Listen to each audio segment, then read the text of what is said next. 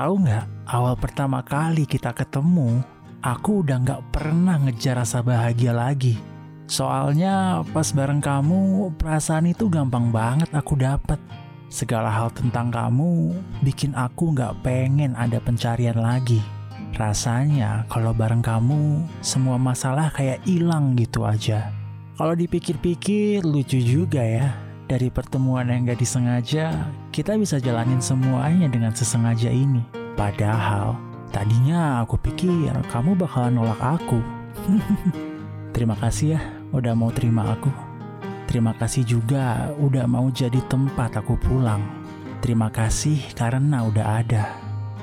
Sekarang aku cuma mau bilang sama kamu, di luar agak mendung, dan aku masih sayang sama kamu.